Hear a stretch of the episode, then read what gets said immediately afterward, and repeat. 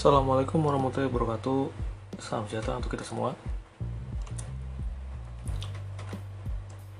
Ngomongin apa kali ini? Kali ini ngomongin soal inside joke alias lelucon yang hanya dipahami oleh um, teman-teman satu geng sendiri gitu.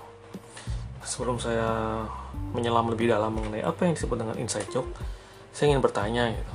Tidak usah dijawab, uh, tenang aja di podcast ini tidak ada kolom komentar, tidak ada kolom mengirimkan pesan. Ini jawab jawab saja di dalam hati masing-masing gitu. Masih punya yang namanya geng pertemanan gitu. Cuma nanya aja gitu. Dan kalaupun punya sebenarnya faedahnya apa sih gitu.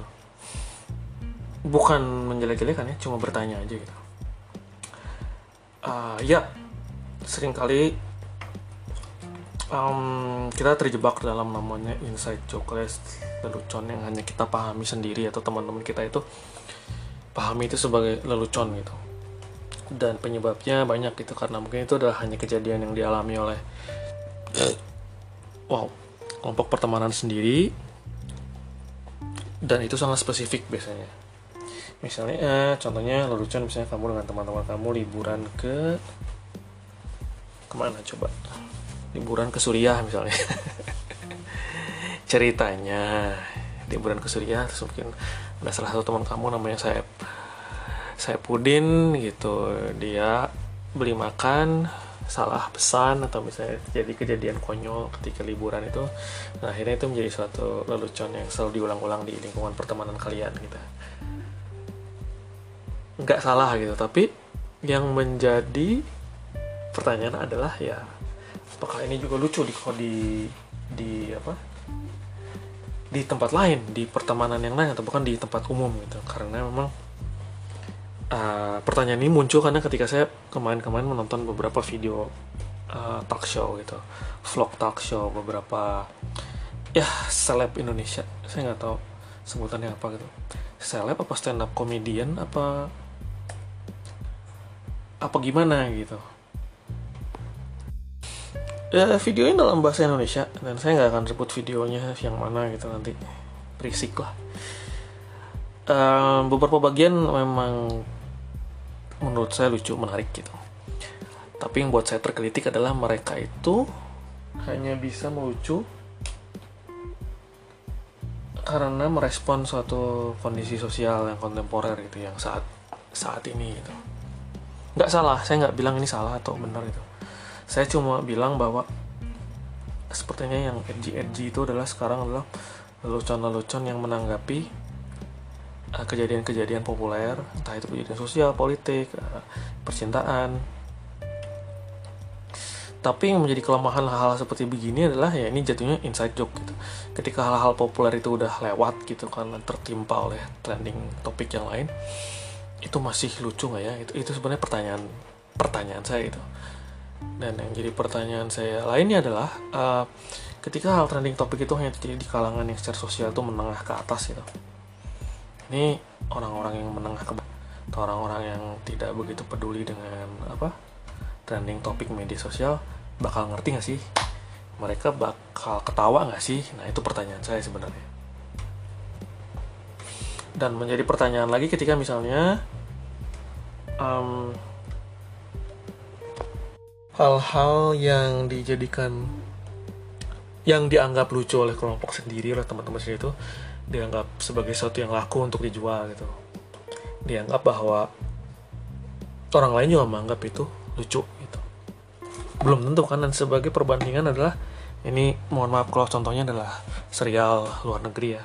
Mungkin kalau yang nggak nonton atau yang belum mengalami um, tidak akan mendapatkan mungkin akan sulit untuk mendapatkan apa ya uh, mendapatkan sebuah contoh yang mumpuninya gitu. Dan ini sebuah ironi ya ketika episode kali ini membahas mengenai lelucon-lelucon segmented lelucon-lelucon inside joke tapi juga memberikan contoh yang snob.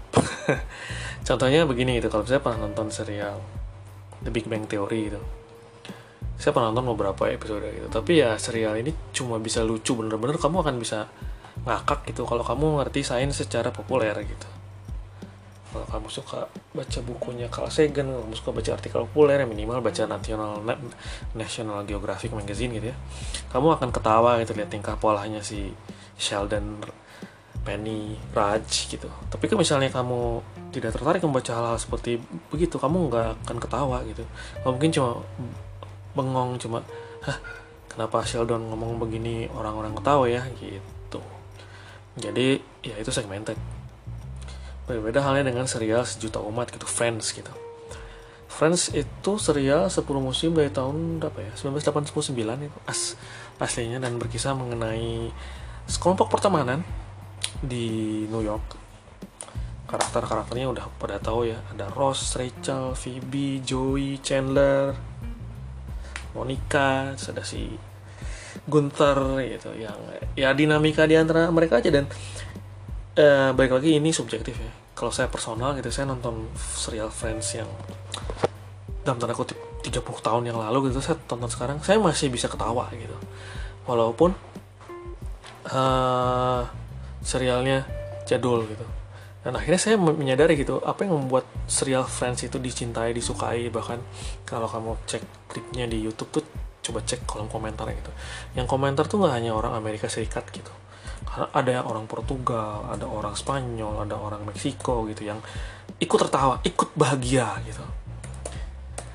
Dan setelah saya merenung gitu sambil mengunyah bawang akhirnya saya menemukan kesimpulan saya sendiri bahwa kenapa yang membuat si uh, si Friends ini benar-benar disukai lintas usia, lintas budaya gitu. Walaupun dia settingnya New York bahasa Inggris gitu dengan norma-norma sosial yang berada di Amerika Serikat pada saat itu gitu. Tapi kok banyak orang-orang di penjuru dunia lainnya yang yang ikut tertawa pada tingkah pola si Joey gitu yang ikut ngakak ketika si Phoebe nyanyi lagu Smelly Cat gitu yang uh, ketawa lihat si siapa? Si Monica yang uh, perfeksionis atau lihat si Ross yang selalu canggung gitu. Karena memang lelucon-lelucon yang dibangun itu universal gitu. Lelucon-lelucon perilaku manusia yang bisa kamu jumpai di mana pun gitu. Yang tidak perlu tergantung pada hal-hal yang snob kayak fisika populer lah kayak teori fisika uh, singularitas apalah untuk membuat orang tertawa gitu. Dan tidak dan tidak pula tergantung pada trending topik media sosial gitu sehingga Friends itu nggak pernah basi sama kayak kamu nonton Mr. Bean gitu ya Mr. Bean tuh aslinya kan cuma 14 episode ya tapi banyak yang suka dan ini lintas budaya gitu dan lucu-lucu yang ditampilkan oleh Mr. Bean ini mungkin gabungan antara slapstick dan pantomim. Tapi uh, apa ya istilah bahasa Inggrisnya? Timeless tak kalau dimakan oleh waktu gitu. Lain halnya ketika saya nonton The Big Bang Theory itu. Yang alhamdulillah beberapa ngerti sih ya.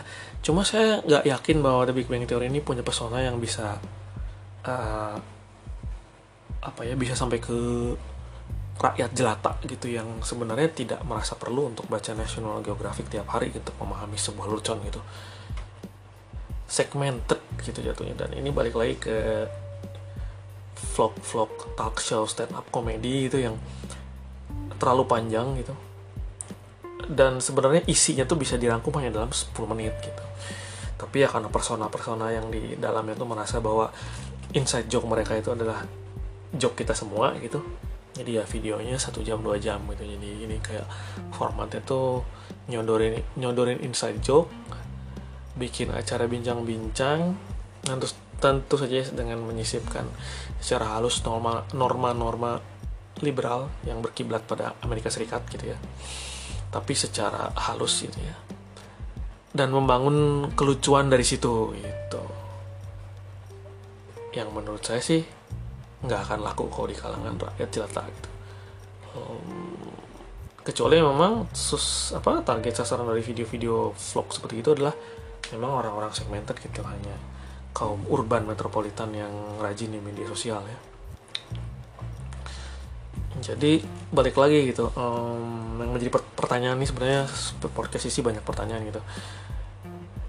Saya mencari itulah bentuk komedi baik dalam bentuk stand up komedi atau dalam bentuk apa ya serial gitu yang tidak harus mengandalkan popular culture nggak harus mengandalkan SJW woke culture atau hal-hal snob lainnya untuk terlihat lucu gitu. Tapi juga nggak terlihat norak ya gitu. Ada nggak sih gitu? Ya saya pernah nonton serial Fleabag gitu. Seru.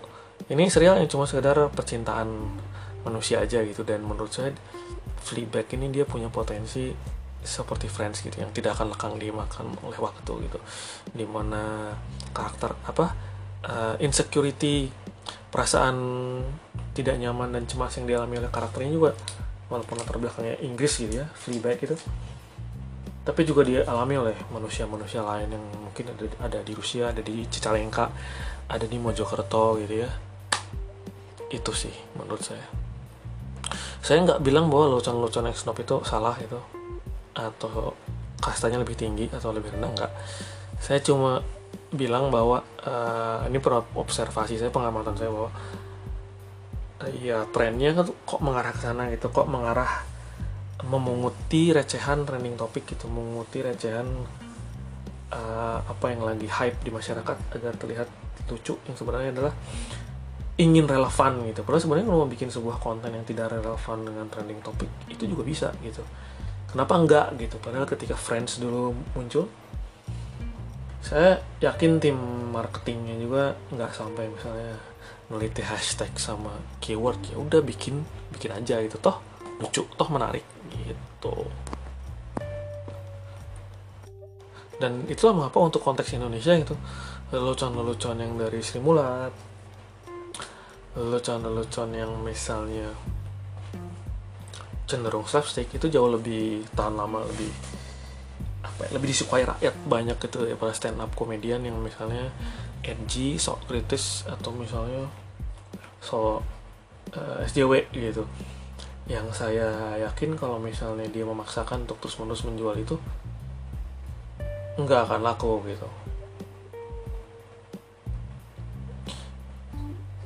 yang mana saya juga yakin bahwa jauh di lubuk hati mereka para penggiat lelucon-lelucon stop ini mereka juga ingin laku dengan amat sangat dahsyat gitu. Tapi sepertinya mungkin terperangkap dalam gelembungnya sendiri menganggap bahwa lelucon inside joke pertemanannya itu adalah lelucon yang juga di uh, diperdengarkan di lingkungan-lingkungan yang lain gitu jadi mungkin lebih kepada keragaman aja sih. Saya nggak nggak nggak melihat bahwa dari segi komedi itu ada untuk sekarang gitu ya komedi orang kotak gitu yang katanya stand up itu ada suatu keragaman gitu.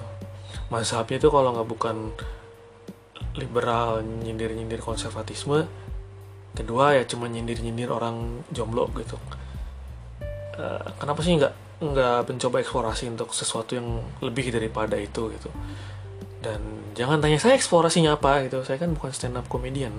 Saya kan bukan seorang apa ya yang bekerja di sebagai konsultan komedi gitu.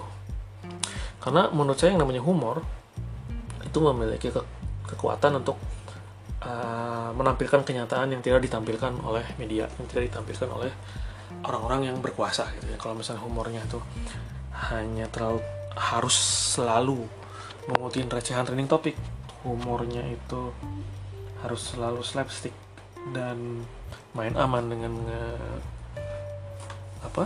Dengan ngejek orang-orang jomblo ya tidak ada kemajuan gitu. Itu itu aja sih se apa sekelumit keprihatinan saya. Dan saya yakin namanya lucu itu subjektif. Ya mungkin kan kalau saya bilang yang kayak begitu itu nggak lucu dan apaan sih mungkin pendengar sekalian menemukan itu sebagai lucu sekali gitu ya ya udah gitu aja uh, emang harus dibangun sebuah kesadaran bahwa apa yang kita dan geng teman-teman kita itu anggap itu lucu dan menarik itu belum tentu rakyat Indonesia itu anggap menarik gitu. Dan ketika hendak mengeluarkan lelucon inside joke itu hendaknya di apa ya? Ditelaah, diraba, diterawang gitu. Apakah itu cocok gitu. Jangan sampai apa yang menurut teman-teman kita itu anggap ah ini sih biasa aja lucu. Tapi ternyata puluhan juta rakyat Indonesia yang lainnya menganggap itu sebagai ofensif gitu sebagai apa ya uh, menyinggung gitu.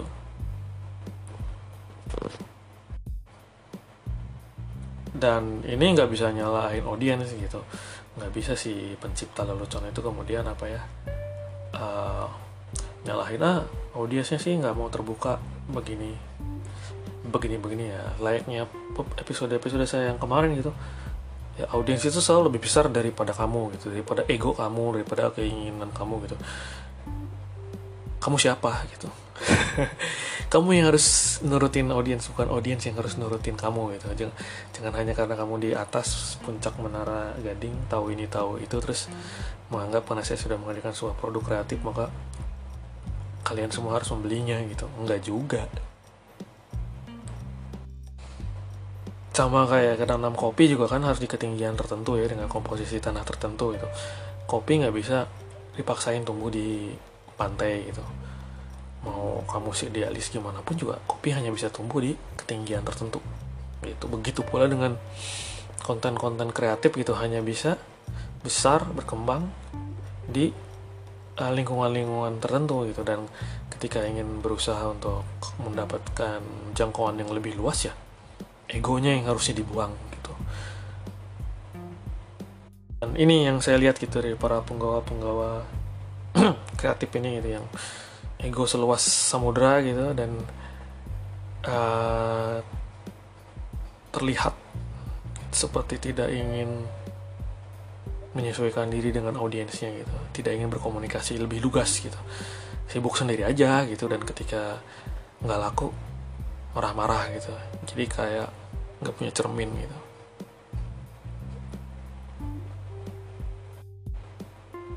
Ya udah gitu. Terima kasih telah mendengarkan